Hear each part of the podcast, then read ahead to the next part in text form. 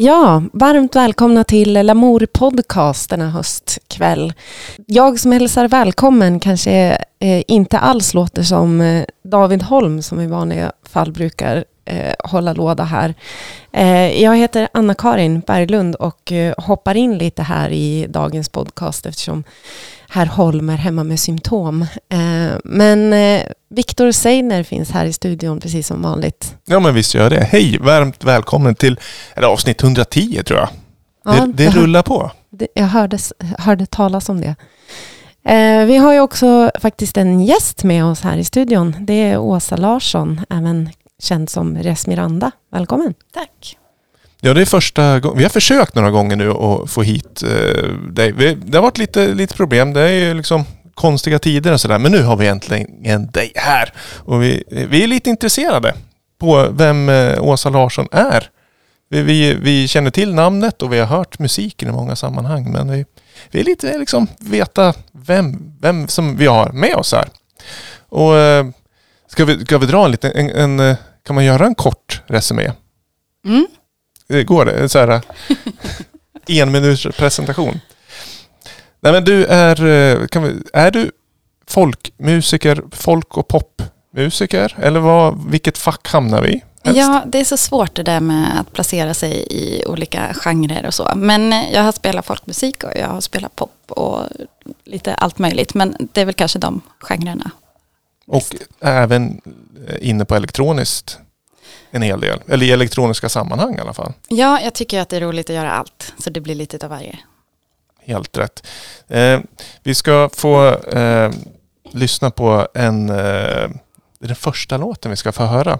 Som är, eh, den är lite speciell men eh, är det någonting man kan säga om den innan eller ska vi prata mer efteråt?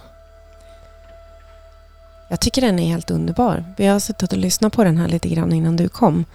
Eh, och eh, den sticker ju ut lite grann jämfört med eh, resten av låtarna på albumet. Som du släppte i november 2019. Ja, ungefär ett år sedan då nästan. Mm. Eh, Du berättade lite att det hade varit eh, när du hade spelat in den här skivan att du hade tänkt lite annorlunda innan. Ja, jag hade tänkt att skivan skulle se lite annorlunda ut. Ehm, och i slutändan så bestämde jag mig för att det skulle få bli en skiva med eh, som en inandning och en utandning. Jag tänker att det är någonting som vi behöver överallt i samhället och så. Det är så lätt att man bara går på eh, och eh, i det här aktiva. Eh, men man behöver vilan och att andas ut ibland också. Så då tänkte jag att det kunde få spegla sig i skivan också. Så det är fyra låtar som är liksom aktiva och så är det det här spåret som är som ett passivt, mer vilande, meditativt spår. Är det en utandning eller är det en, Ja, en utandning. ska vi få njuta? får vi känna in låten och andas ut.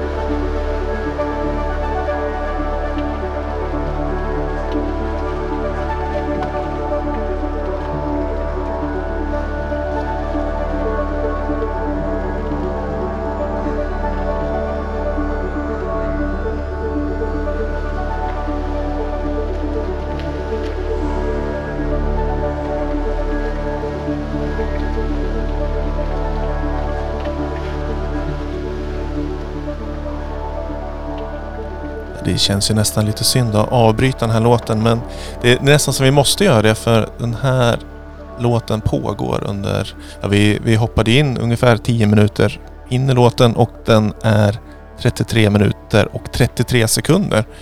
Eh, måste, den heter The Calling och från albumet For the Trees. Eh, är längden, är det något speciellt just 33-33? Eller är det en slump att den blev ungefär? Eh, jag gjorde den här tillsammans med Pelle och Jocke, eh, Pelle Grosso och Joakim Sundgren. Eh, och Pelle är väldigt fascinerad av eh, siffror. Eh, så det var hans, hans touch på, på den, att välja just den längden. Är just 33 och 33 eller är just siffran 3? tre eller ja, fyra gånger? Eh, jag tror att det blev väldigt symmetriskt och fint. Ja. Mm. Mm. Hur gick det till när ni gjorde den? Är det liksom en tagning? Är det improviserat? Hur?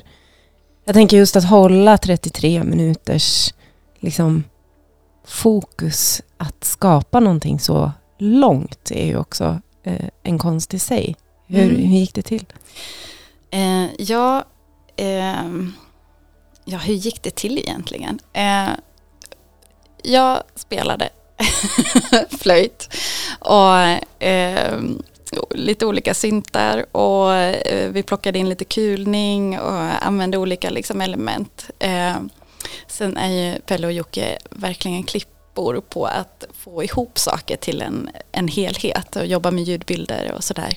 Eh, så ja, det var ett fint samarbete.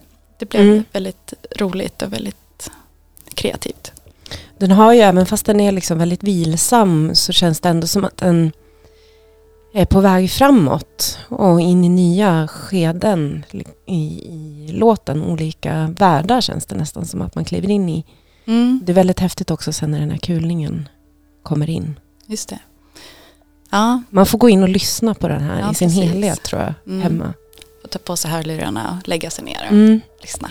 Mm. Ja, det, vi, innan eh, Åsa kom till studion så satt ju Anna-Karin och jag och lyssnade igenom nästan hela låten. Och den, eh, ja, den är helt otroligt. Den, framförallt i så här studiomiljö med lite extra subbas och sådär. Så det är en riktig, kan man säga, hive-upplevelse rent ljudligt eller klangligt också. Men vad heter det, eh, den här den är lite speciellt för den här låten, det är ju sista låten på albumet.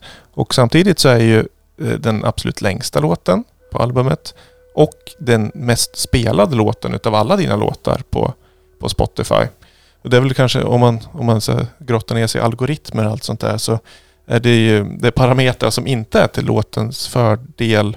Men det bevisar ju verkligen motsatsen eftersom den eh, har så många lyssningar och sådär. Men också den skiljer sig ganska mycket från eh, andra låtar som vi ska få höra idag men också från albumet. Eh, men jag, jag, är lite intresserad, kommer vi få höra mer sådana här låtar framöver? Ja, alltså jag tycker ju att det är jätteroligt att få utforska den här, alltså den här vilsamma musiken. Ehm, jag, har, jag spelar en del eh, orgel ehm, och tycker att det är jätteroligt att få jobba med, ehm, vad ska man säga, vilsam musik. Jag brukar spela flöjt och så spelar jag orgelpedal med fötterna. Eh, och hade ett helt litet koncept för några år sedan som jag kallade, för Monday Morning Meditation Music. Eh, med, med orgel och flöjt som var ja, meditativt. Så jag tänker att det skulle kunna bli som ett litet signum framöver. Att man fortsätter göra skivor med fyra spår som är liksom mer aktiva. Och så har man en längre sån här eh, mer passiv, vilsam, eh, något sånt spår. Mm. Låter ju fantastiskt. Är den här Monday Morning, finns det inspelat eller var spelade du? Har du orgel hemma eller är det liksom kyrkorgel eller vilket sammanhang? Ja, det har jag suttit i, i kyrkor och mm. spelat in. Och det finns, eh, det finns på YouTube, eh, de inspelningarna. Wow, det måste vi, det måste vi kolla upp. Eh, vi hade ju konsertserie Ambient Morning har vi mm. kört. Och det är ju det är en genre som gör sig väldigt bra på morgonen. Just mm. när man liksom kanske inte har hunnit fått igång hjärnan lite, att man är, man är lite segstartad. Men det är ju, man är väldigt mottaglig för det här lite ja, men lugnare, mer meditativa. Som kan vara nog så komplext ibland också men mm. det är väldigt intressant.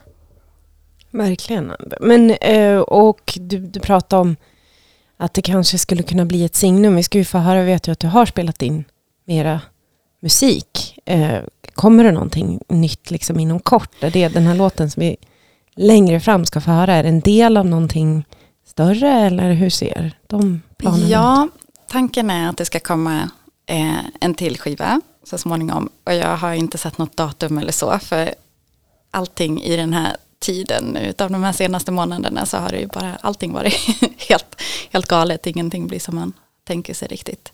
Så jag har inte sett något datum än. Men tanken är att det ska komma en till skiva.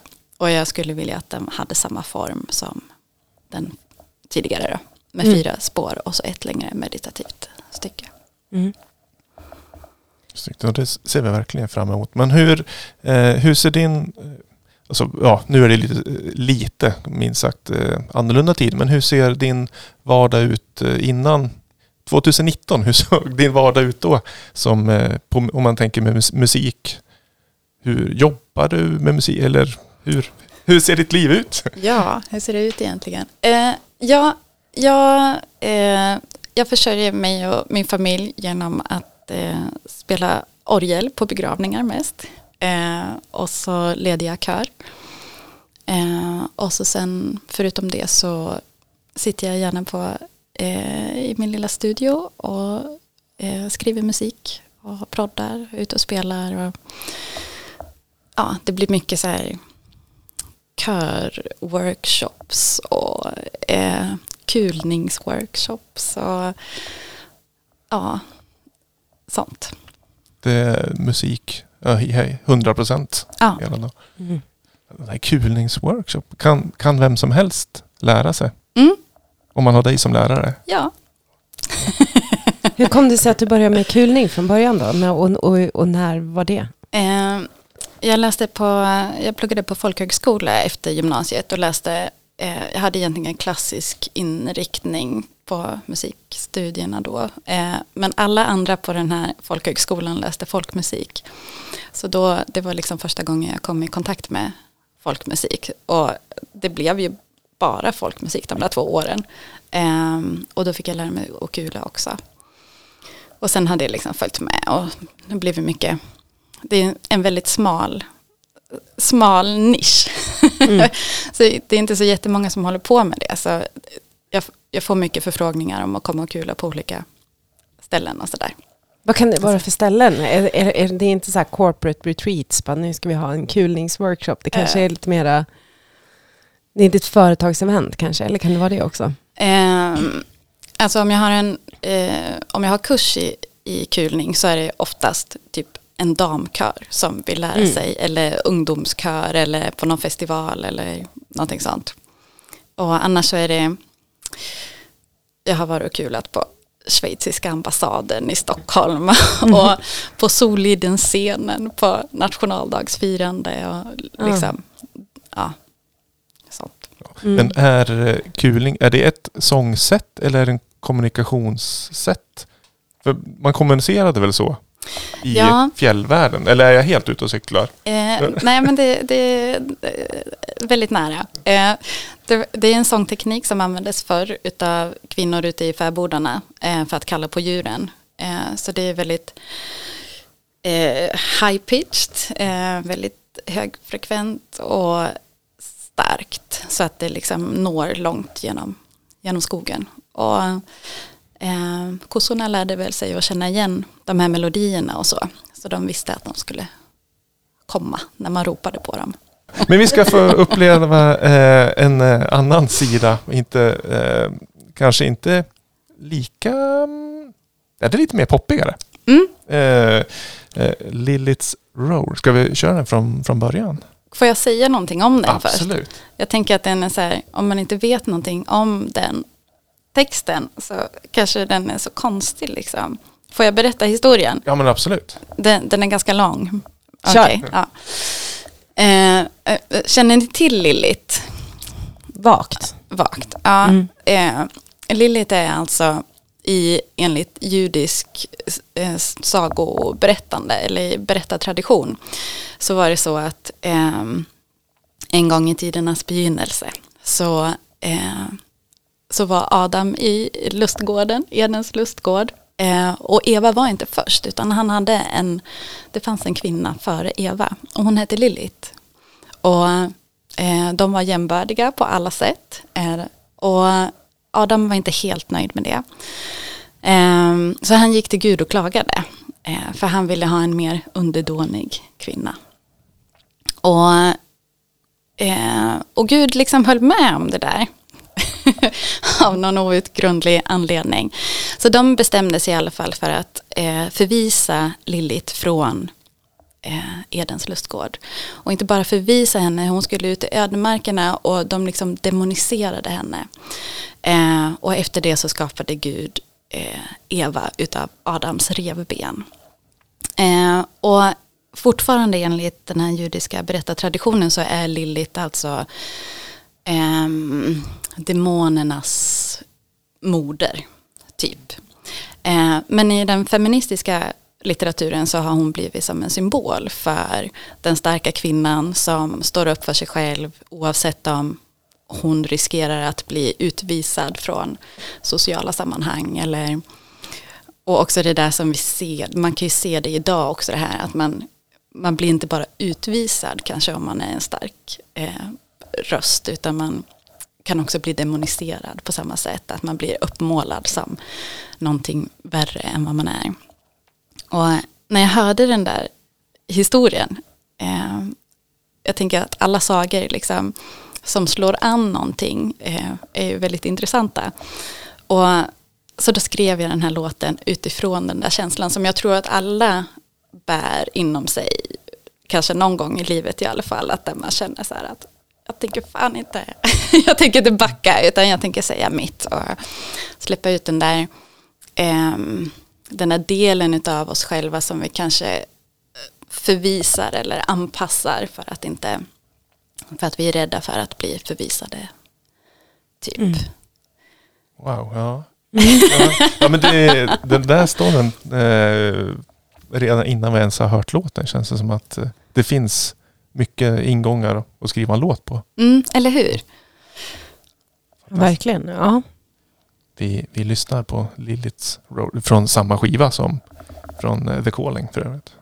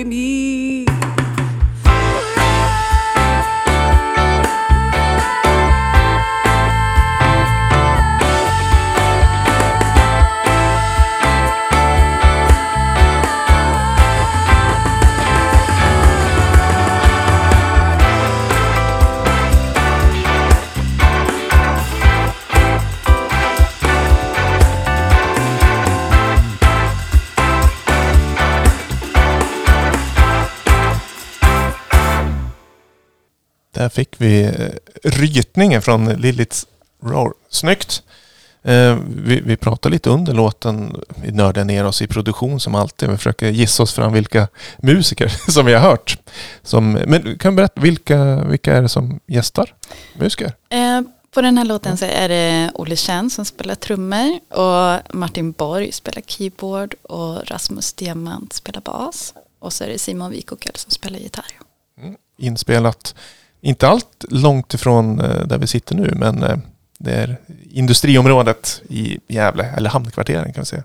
Men du, eh, namnet Resmiranda, Mm. när, när föddes det och finns det någon story av det? Eller är det ett riktigt namn eller är det liksom ett helt taget? Eh, ja, alltså då när jag pluggade på den här folkhögskolan så hade vi en eh, madrigalensemble. Så vi sjöng äldre musik och jag tyckte det var så himla roligt, snöade in på det helt. Eh, och i en gammal hymn från typ 1400-talet eh, så såg jag det här ordet resmiranda eh, som jag inte hade sett någon annanstans i någon annan sång. Eh, så jag var tvungen att kolla upp det, vad det var för någonting. Eh, och det betyder ungefär en förunderlig sak. Och, Ja, det, jag trodde att det var ändå ett eh, namn, men det är alltså ett, eh, någon form av beskrivande ord då snarare. ja, Ja, typ ja latin för, ja jag vet inte. Ja. Så sen dess har det följt med. spännande. Mm. Ja. Det är vä- väldigt vackert som, som namn. Alltså, Mm. eh, om man skulle heta Resmiranda skulle man ju vara, vara nöjd. Men det, är- det, är- det heter Men jag tänkte på en annan grej, eh, den här Liliths, li, det var svårt att säga, Liliths Roar. Eh, Den har jag hört dig spela live också, eller hur? Mm, det kan nog Eh, stämma. Ett par gånger, kanske till och med om jag inte Mm. säger fel på Local Heroes senast, kanske i februari. Eh, spelade jag den då? Eller om det var i januari där på eh, Little Arcade. Just det, Ja. där spelade jag nog den. Mm. Men jag tänkte på det med att spela live när man då har spelat in låtar tillsammans med ett gäng musiker som kanske inte alltid är tillgängliga för att åka ut på gigs. Mm.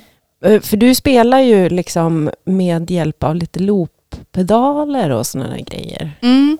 Det är man ju nyfiken på hur, hur du liksom bygger ihop ett sånt liveset. Mm. Ja, jag tycker det är superroligt med min looppedal. Ja. Där kan jag fastna många timmar när jag har tid. Ehm, och, det är, och egentligen så kommer det ju just ur det där att det är så himla svårt att ha ett band ehm, och få ihop det liksom med reptider och, och familj och, och liksom eh, och så sen när man har spelningar så är det jättesvårt att ja, få det Mm. att klaffa för alla.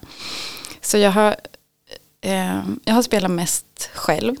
Jag spelar oftast själv när jag är ute. Eh, och, men det är ju väldigt tråkigt i längden att bara spela piano och sjunga. Det kan man ju göra ibland. Men, så jag har liksom försökt utveckla det där på olika sätt. Och då är ju looppedalen superrolig att jobba med. Mm. Det finns så oändligt mycket möjligheter. Som, ja, ibland är det svårt att begränsa sig. Det är ju, alltså jag har försökt mig på eh, att hålla på med looppedaler jag också, men jag hade inte, liksom, jag vet inte, det känns som att man behöver en timing som jag saknade lite grann för att alla loopar ska liksom passa ihop i slutändan. Det kändes alltid som att, det, alltså att jag var lite så off, men det har väl att göra kanske också med hur mycket tid man spenderar med det och kanske någon inneboende liksom, taktkänsla som jag tycker att du lyckades väldigt bra med. Jag såg det live. Ja, vad fint. Ja. Tack. Ja, men jag tycker det är imponerande. Alltså, ja, snyggt. Ja, vi, vi vet, ni som sitter och lyssnar är ju, många av er gillar ju oftast elektronisk musik och är kanske lite allmänt intresserad av tekniska prylar och musikproduktion. Så eh, jag frågar åt er, eh, vad, vad är det för eh, loopapparater som används? Eh, jag har en Boss RC300 som jag jobbar med. Som den, är, den har allt. den är extra allt. Så ja, det är mest bara den. Snyggt. Mm. Eh, och det, visst, du, du, du, du är duktig på sociala medier. Så eh, där kan man se, vet jag, massa mm. klipp. När du sitter och spelar, jammar, mm. repar från är det hemifrån eller är det studio? Jag har, jag har ett litet klipp in på, eh, på Musikhuset på Sjömanskyrkan. Så, och det är liksom enda stället där jag kan väsnas eh, helt fritt och öppet. så det är oftast därifrån som jag spelar in grejer. Så om man är på Musikhuset och kanske tar en kaffe i kaféet då kan man höra lite kulning också kanske från övervåningen? Eh, ja, jag sitter allra längst upp i liksom, tornet, eller inte i tornet riktigt, men ja, längst upp. Alltså det, det, jag tror inte att man kan höra mig riktigt, hoppas jag. Jag brukar ofta stå där och gala. Så. Kanske man står ute på torget ja, på centralplan. Ja. Väntar på tågen och då liksom mm. hör man som ett väsen över, över Gävle. Ja. Vacker bild. Men har, har du ett fönster i studion? Eh, ja, men det går inte att öppna. Det är sånt där gammalt kyrkfönster. Liksom. Ja, ja. Det, mm. Jag tänker bara att tanken att öppna upp fönstret och ställa så kula ut över Just hela. Gävle stad. Kanske någon som svarar i Sandviken. Ja. eh, Anna-Karin, du har tagit med en, eh, en låt. Ja. Apropå elektronisk musik. Ja, precis. Um, och uh, den här låten dök upp i mitt uh, flöde. Um, bara inte alls länge sedan, även om den är släppt 2018. Och det är uh, väldigt mycket höst över den här låten, känner jag. Um, man får någon liksom känsla för årstiden. Särskilt idag när det har blåst så himla mycket. Man har sett löven virvla utanför fönstret. Så det blir lite eh, litet soundtrack, förstärker? Ja, jag, jag blev väldigt lugn av inför hösten. Jag kan tycka att den kan kännas lite liksom minnena av värmen och sommaren är liksom för starka än för att det ska få liksom bli kallt och mörkt. Men det här kan lindra lite tycker jag, ibland.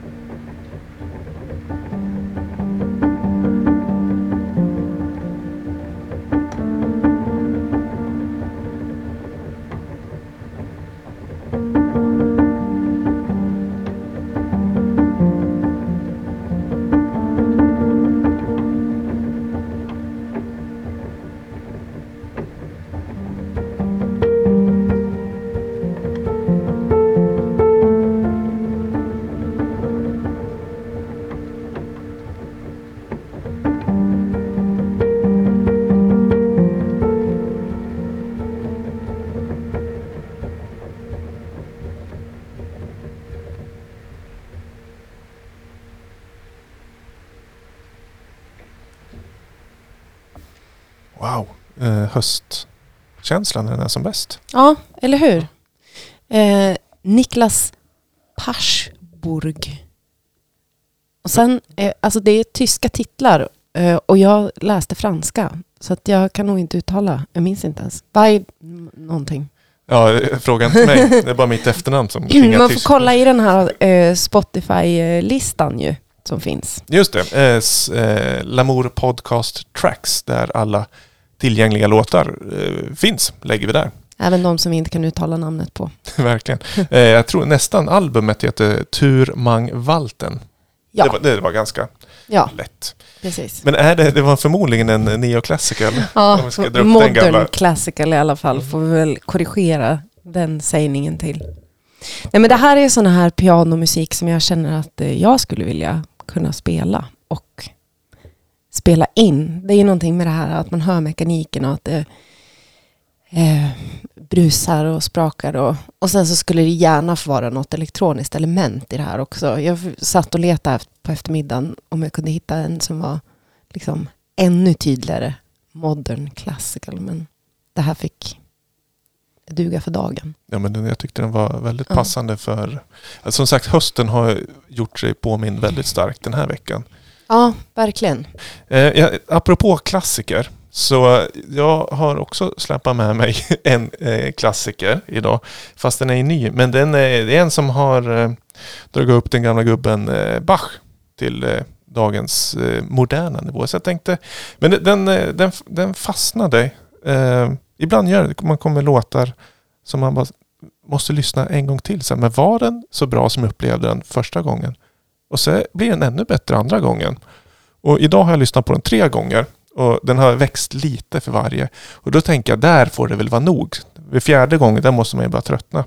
Så ni, ni, ni, ni har kanske inte hört den här låten för Så ni får avgöra. Eller är det just det att det är en, en gammal låt som man har hört i det liksom, eh, fördolda tidigare. Det kan ju vara så med de gamla klassiska kompositörerna att musiken finns lite här och där.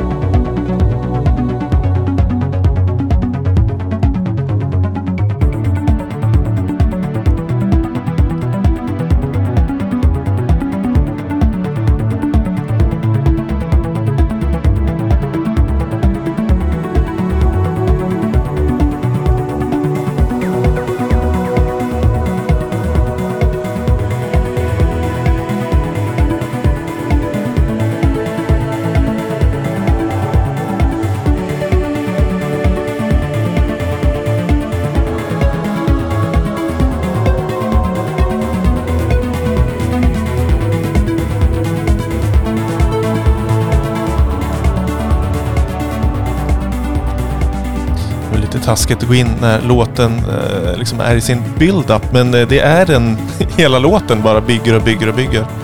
Ehm, en gammal Bach-låt. Åsa, är det här en låt som du känner igen? Nej, inte direkt nej. Nej, vad, jag tänkte som jobbar i kyrkovärlden om det är låt. Mm. Nej men det är eh, Hysope. Eller hur man uttalar det. En gammal Bach-låt. Och om vi pratar om eh, neoclassical så klassificeras den här som eh, experimental classical. Mhm. Enligt eh, artisten själv i alla fall. Eh, är det, eh, funkar den? Jag tyckte den var jättefin. Ja. Absolut. Det är det... Eh, det är inte något... Alltså han har spelat in körerna antar jag igen. Det är inte så att det är liksom någon original Bach-inspelning som är samplad och liksom remixad eller hur? Ja, det är det Vet du något om? Nej, jag vet. Den, låten är från ett helt album som är eh, tolkningar. Den heter In Bach. Så den är massa ja, versioner, nya versioner. Eh, men jag tänkte, du som jobbar med körer. Hör du, är det, för det finns ju ganska mycket syntkörer, eller i samplade körer. Eller låter det som det är en riktig sjungen kör? Jag tyckte att det lät som en riktig kör. Men jag vet inte. Nej, jag tyckte det också. Jag tänkte, men jag ja, tänkte, om man är, om man är också lätt, det. lättlurad. Ja, kanske. Det, ja, det kan väl finnas... Det kan väl, det kan väl vara det då i så fall om det är uppblandat liksom. Att det, därför det kanske känns... Det fanns ju något organiskt i det där. Mm. Som inte bara var en, en återgivning liksom, av, av ett ljud. Nej, det är väl snyggt. Jag, jag har använt mig själv av mycket körer i nya produktioner. Och, men jag är lite besviken att, för det låter ganska syntetiskt. Eh, det är, Du får Ja. sjunga själv. ja men verkligen, jag kan inte, men jag kanske kan ta hjälp av dig Ja, Åsa. absolut. Arrangerar. Va, men för du startade ju en eh, virtuell kör Mm. inte så länge sedan. Är, är den aktiv fortfarande? Den ligger på is just nu, Mm. gör den. Ehm, men det Men- var ett väldigt roligt projekt. För det var människor från hela världen som var med i den kören, Mm. eller hur? Ja, hur, hur, hur funkade det?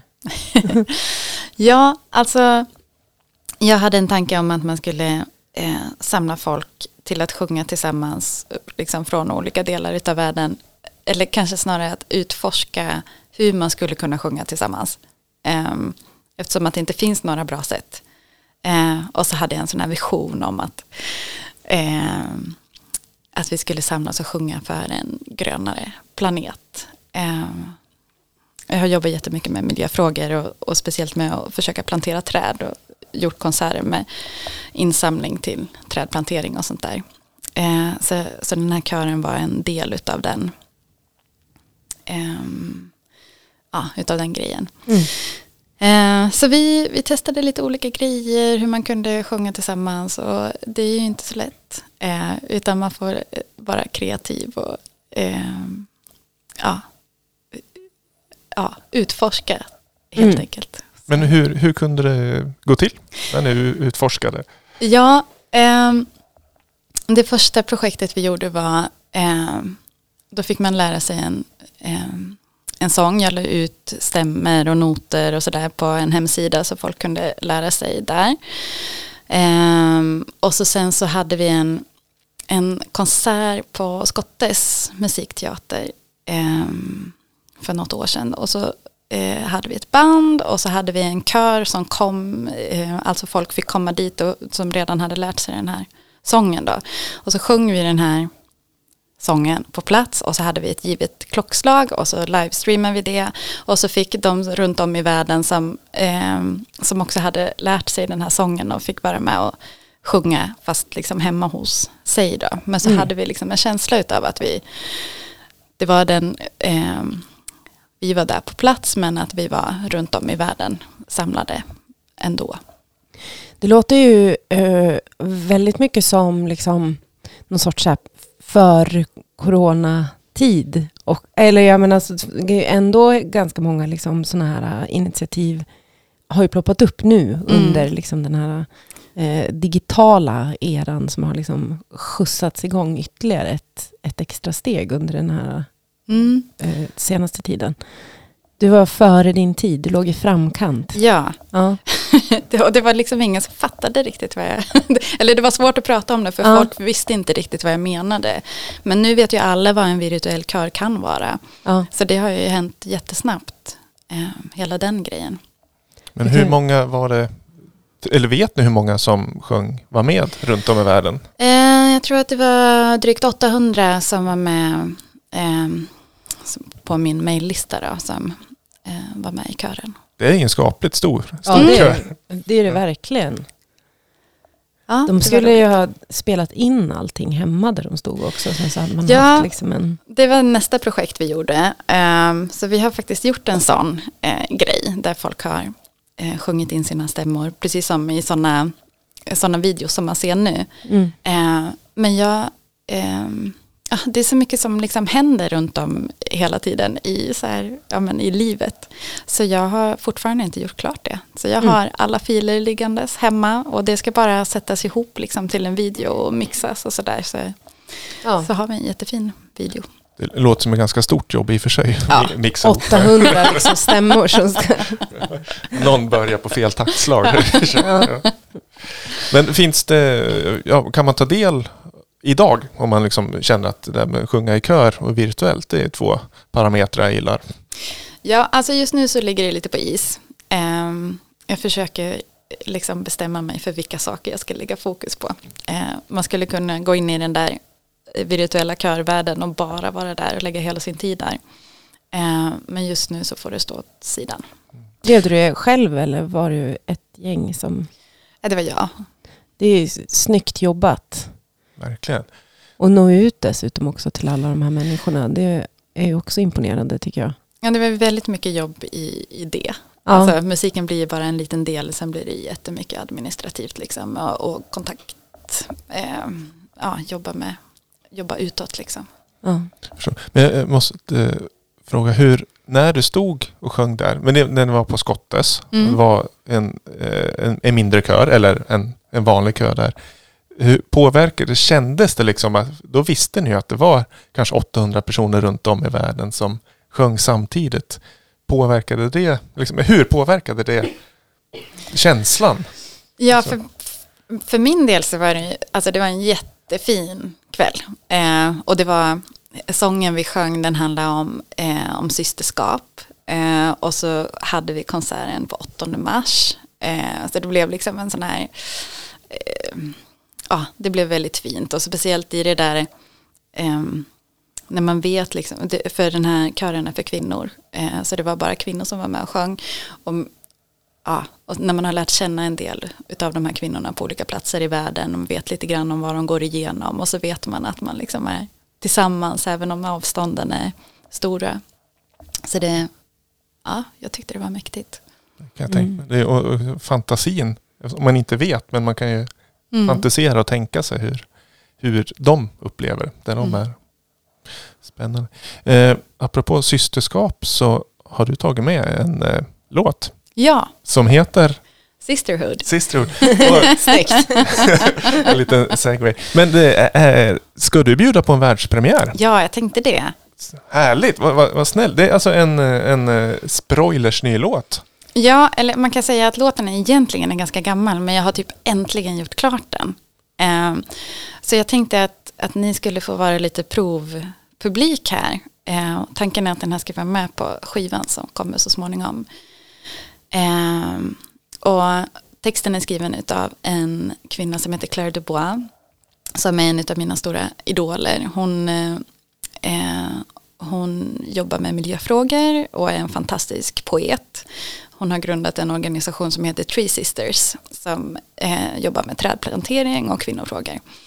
Eh, och, och så handlar den här sången om systerskap då. Eh, och jag tycker att många av hennes, jag har tonsatt jättemånga av hennes dikter för att de är så fantastiska. Wow, då ska vi få njuta och ja, du sa att vi skulle få bedöma lite men eh, Ja, ni får gärna komma ja, med vi, lite input här. ja, vi tar och lyssnar. Sisterhood, världspremiär.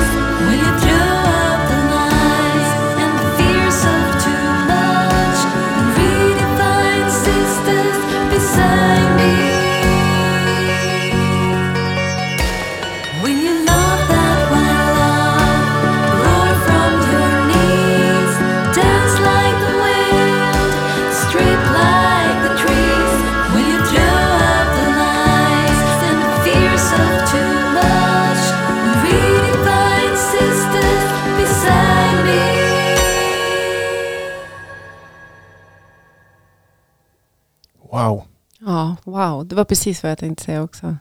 Tack för den världspremiären av en, eh, ja, bra är väl, eh, jag letar eh, orden här. Adjektiv. Jag tycker att det var en eh, himla mjuk liksom ljudbild i det hela. Och en eh, liksom komplex produktion ändå. Det kändes som att det hände mycket. Men man kände sig ändå liksom ledsagad genom hela låten. Att det det kom in nya delar men allting kändes ändå som en helhet. Sammantaget alltihopa. Jättehärligt. Mm. Att, eh, instrumentering och arrangemanget var helt magiskt. Ja. Och just alla olika delar. Ja. Äh, Hur- su- hur- Supersnyggt. Här vill, berätta, Nu, vill- berätta. ja, nu vill vi höra. Det här, ja, men vi är jättenyfiken. Hur, hur har du liksom gått tillväga när du har producerat och satt ihop hela? Ja, alltså den här låten skrev jag för flera år sedan. Och alltså, nu i den här coronatiden så, ja, jag försöker göra klart saker. Eh, det blir inga spelningar och sådär, så då sitter jag hemma och så försöker jag göra klart grejer. Och så den här låten då som jag liksom började prodda för flera år sedan. Och så sen så har den liksom gått igenom olika faser. jag har plockat upp den liksom och så har jag jobbat lite och så har jag lagt ner den när jag inte haft tid. Och så har jag plockat upp den och tagit hjälp av någon annan som har hjälpt till att skruva lite ljud och sådär. Och så sen så har den fått ligga och vila. Så den har gått liksom i många omgångar. Um, och, men nu tycker jag väl att den ändå är klar. Um, och jag tänker att det det fina, det jag gillar mest i den här låten det är Sara Fridholm spelar dragspel. Ja, det var jättevackert. Ja, hon är så grym. Ja. Eh, jag vill ha med henne på allt, för hon är bäst. Det blir liksom lite, det blir någon liksom fransk känsla Mm. som var härlig liksom mitt i alltihopa.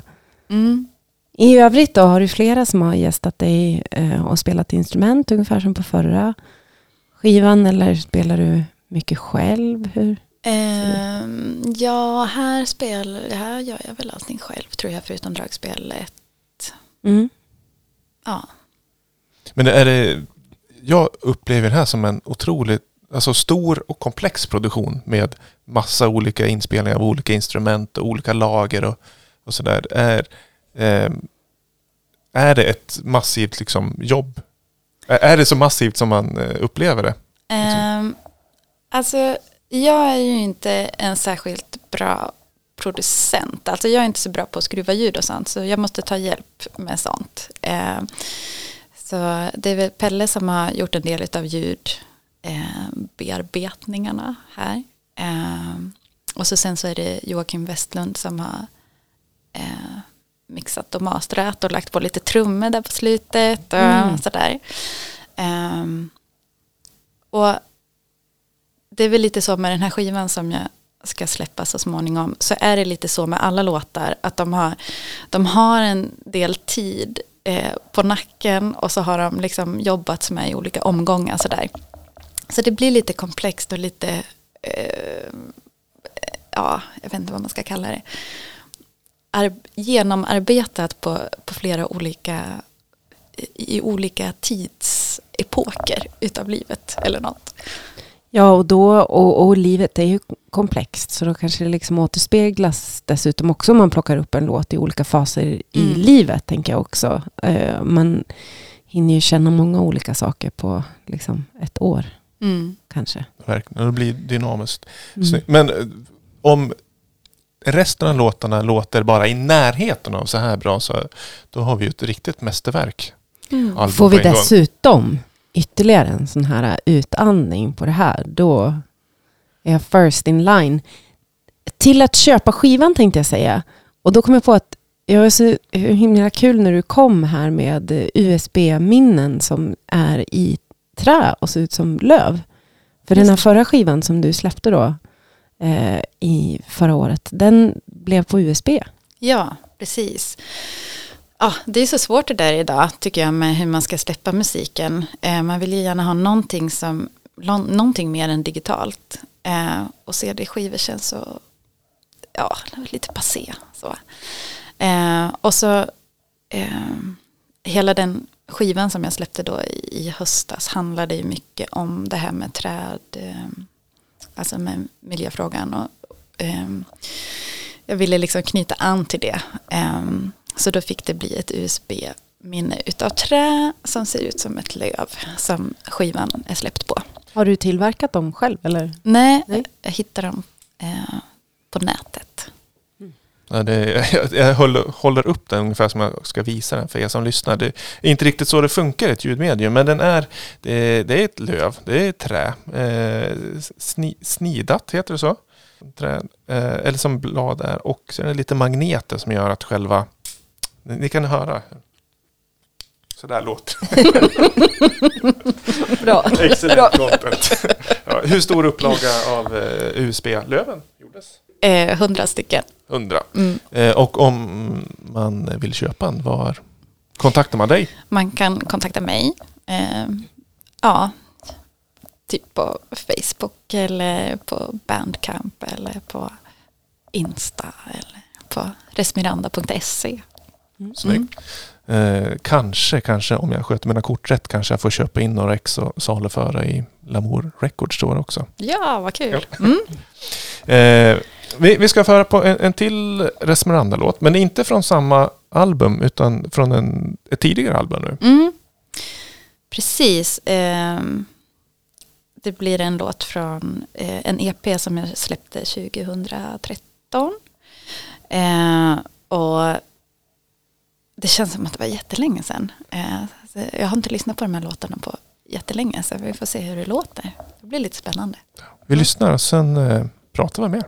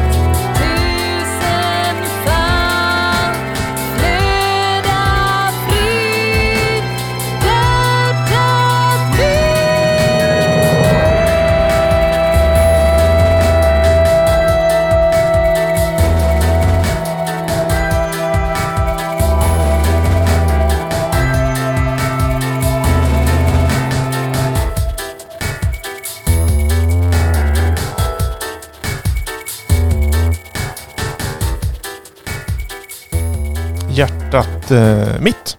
Från 2013, det är sju år på nacken. Gud vad tiden går. Ja. Mm.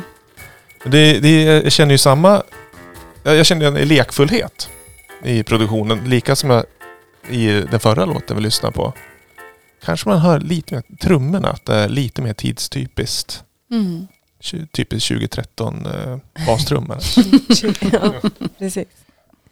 Men här skriver du på, på svenska. Mm. Eh, hur, alltså, har du några liksom medvetna val kring vilket språk du skriver på eller blir det liksom det som det blir? Eller har det förändrats med tiden eller hur ser det ut? Mm, alltså förr så skrev jag nog bara på svenska. Eh, men ja, det har blivit mer och mer engelska Mm. med åren. Så nu är det nog mest bara på engelska. Mm.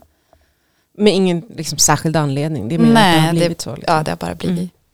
Jag funderar. Du var ju nominerad eh, i Local Heroes, eller har varit det ganska många år. Eh, Eller många gånger genom åren.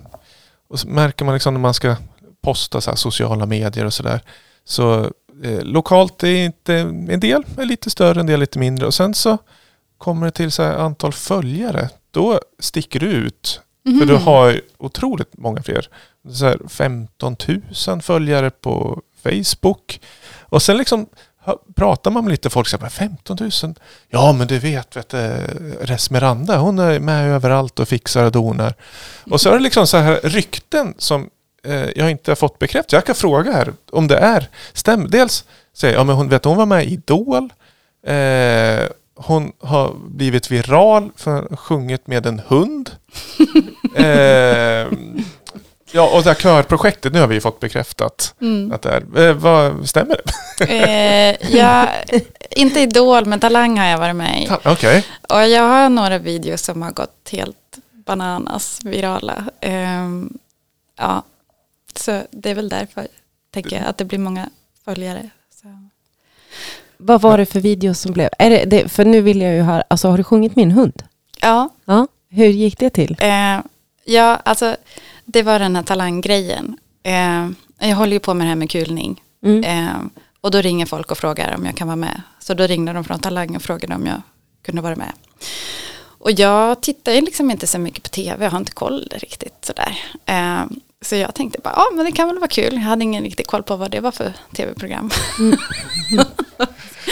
ja, men eh, och då ville de ju gärna att det skulle vara tv, liksom.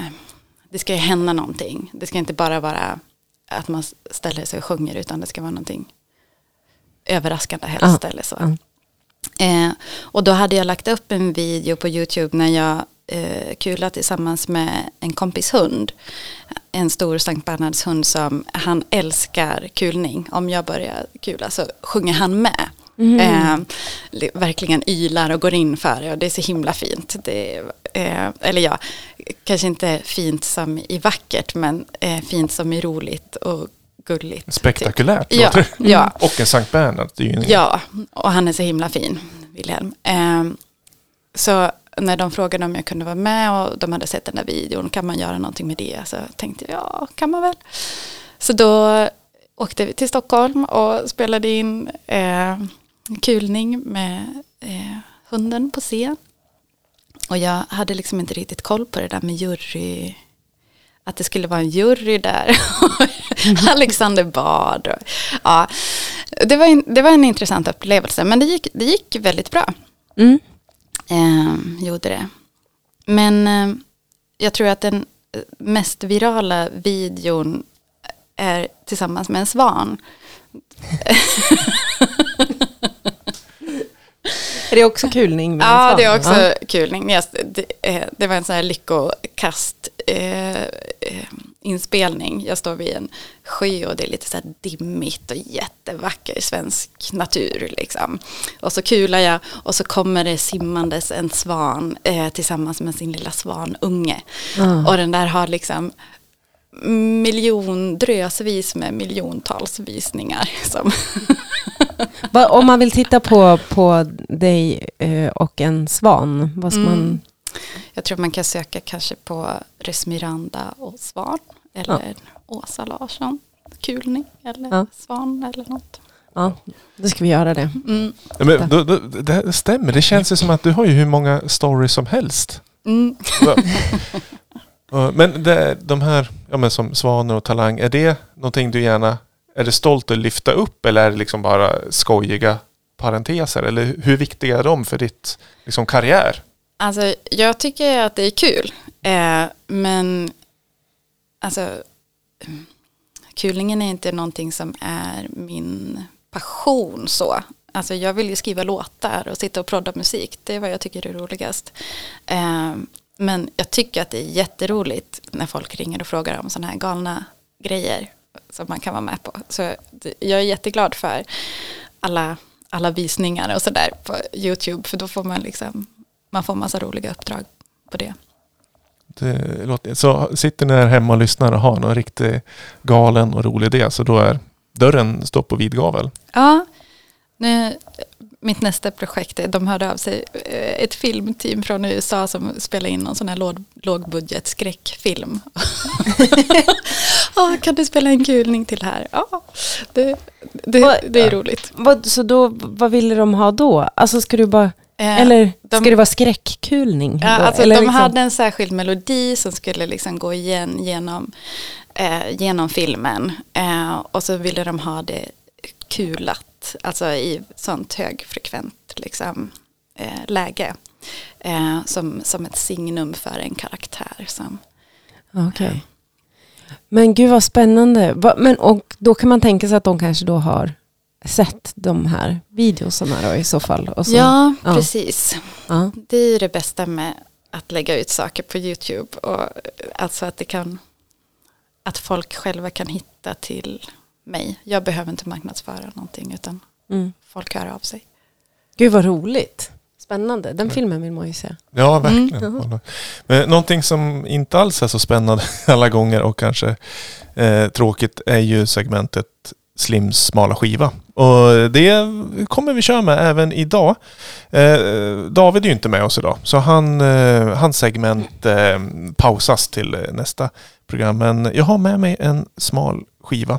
Och du, du vet hur segmentet, upplägget är? Nej, det får du berätta. Ja, det är, eh, jag samlar ju på väldigt udda fonogram som ges ut på vinyl. Det kan ju vara eh, storleksmässigt udda, konceptuellt udda eller konstnärligt udda. Eh, Jag spelar en snutt från en skiva och sen så pratar vi om den och eh, bedömer hur smalt är det egentligen.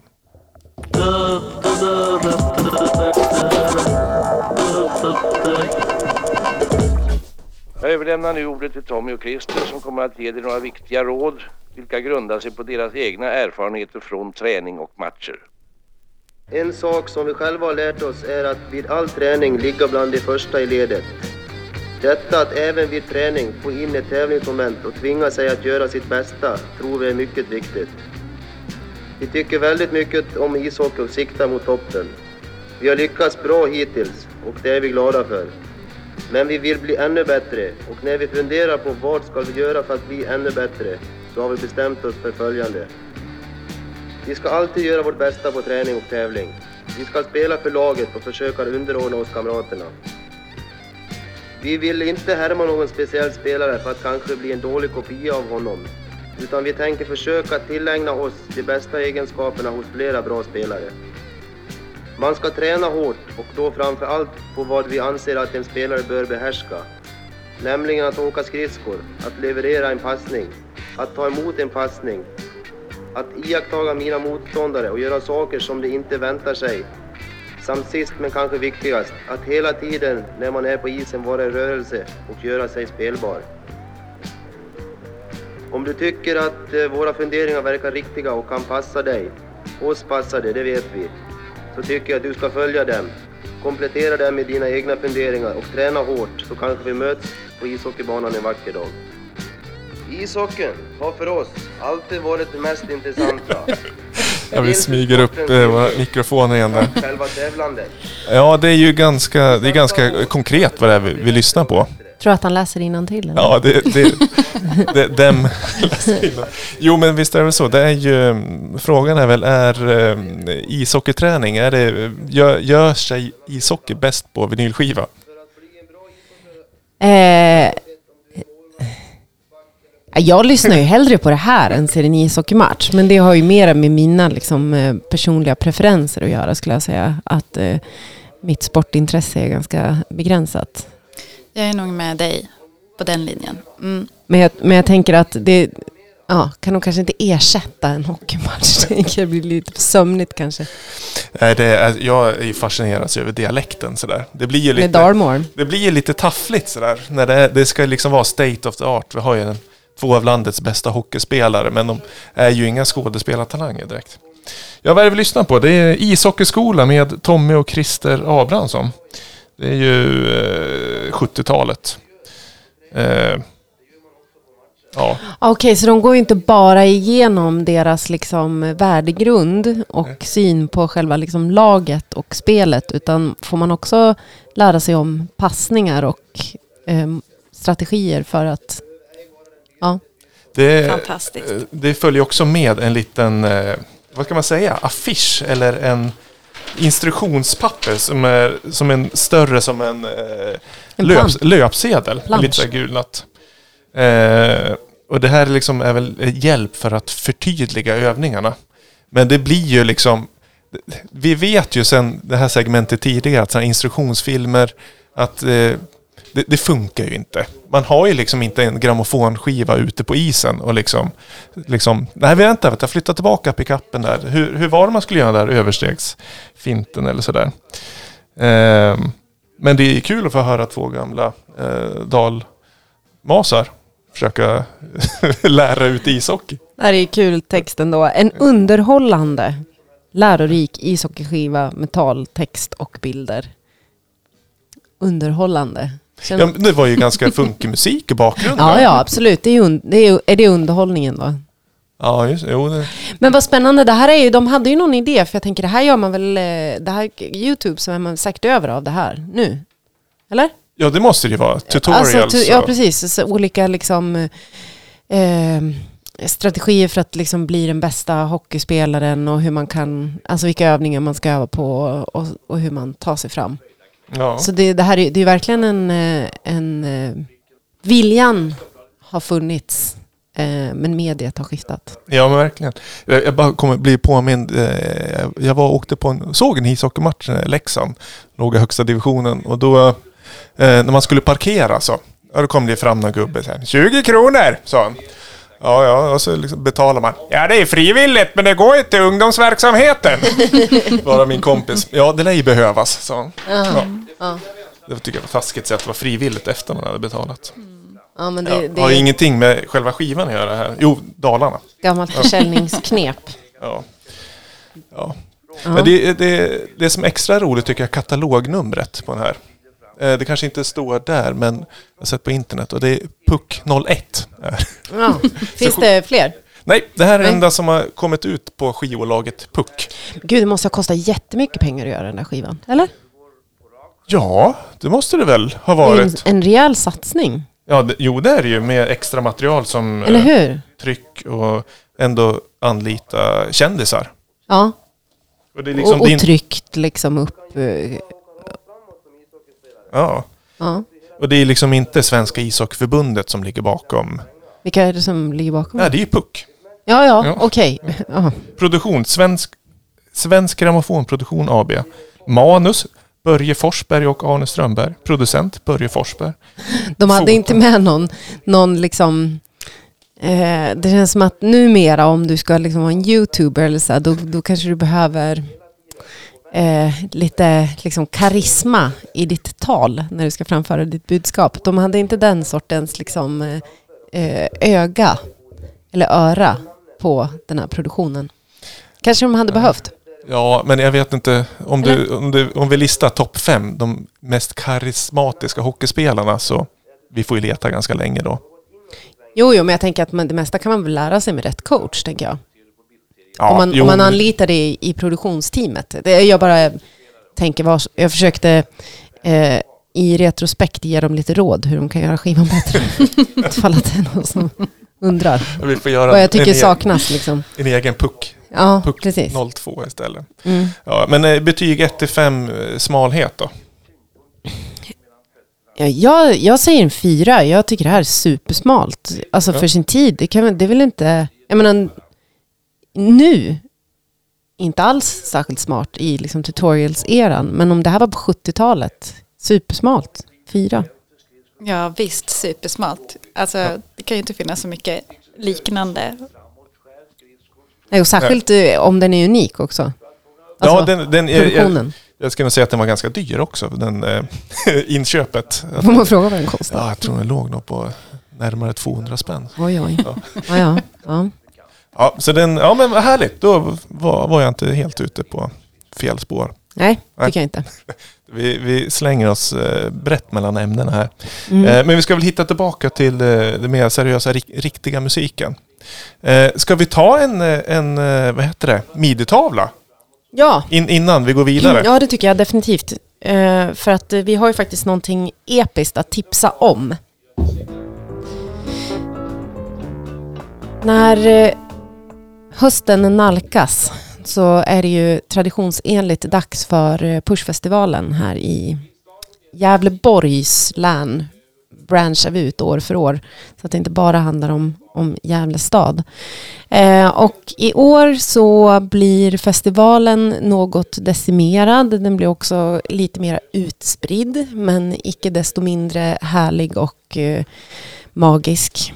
Eh, och vi kommer att eh, starta hela festivalen den eh, 4 oktober. Det är ju faktiskt inte alls långt bort, mindre än tre veckor va?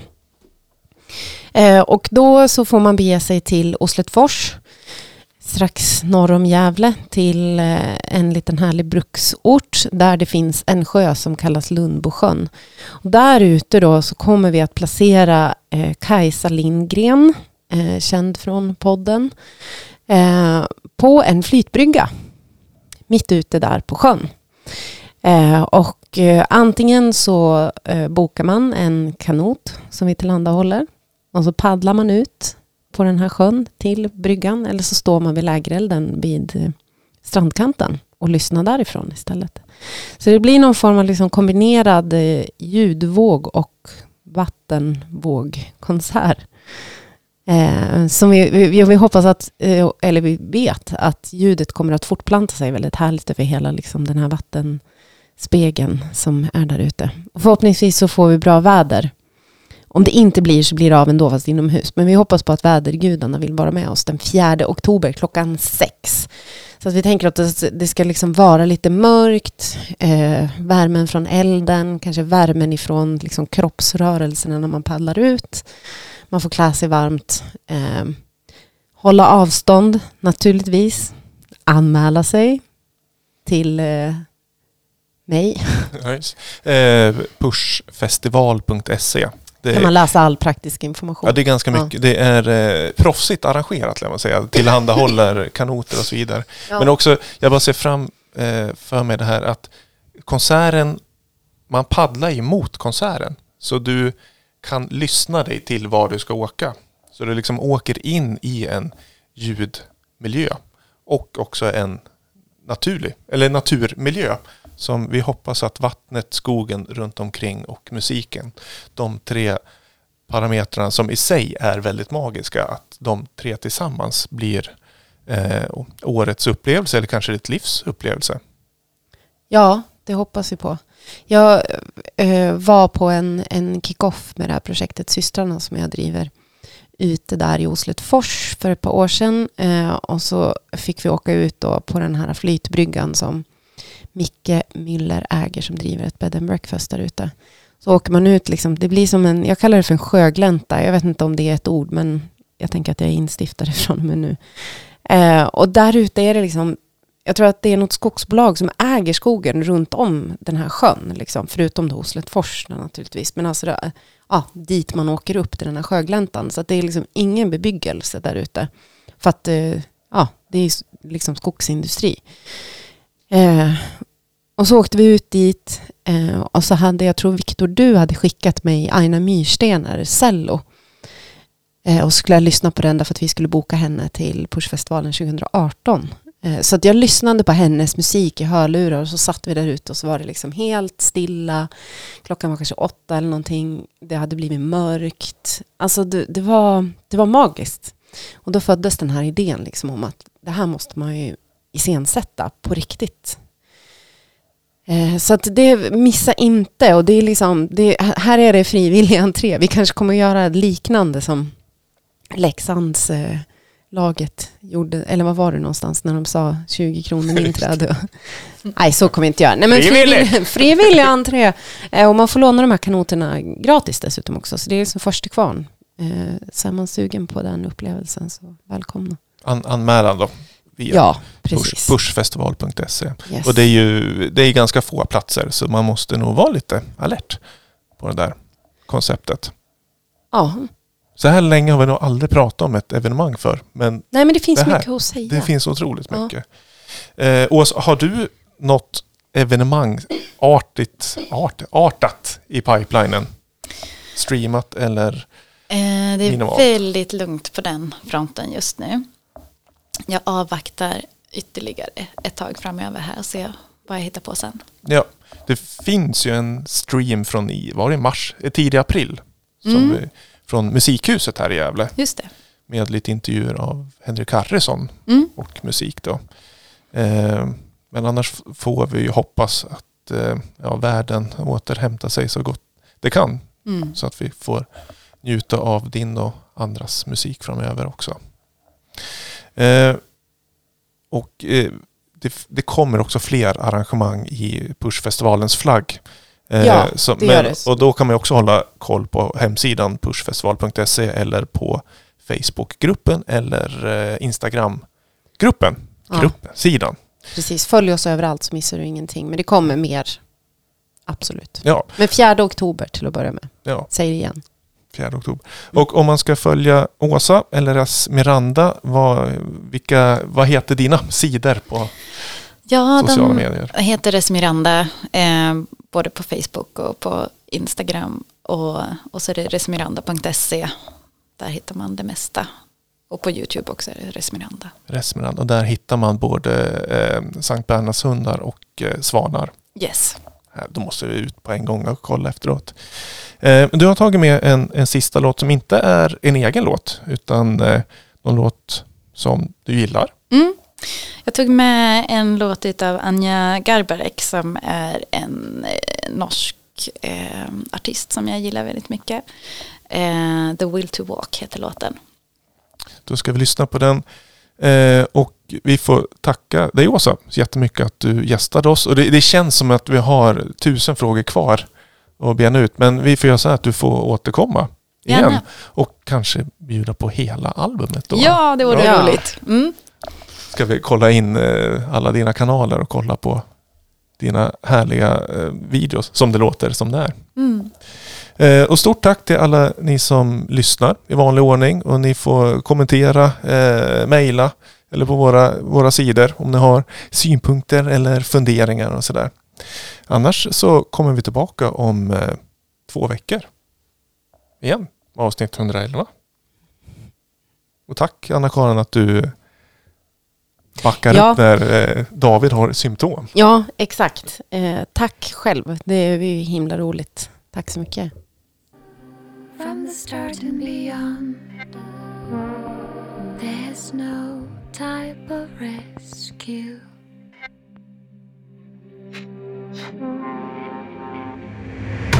Killing time until caught.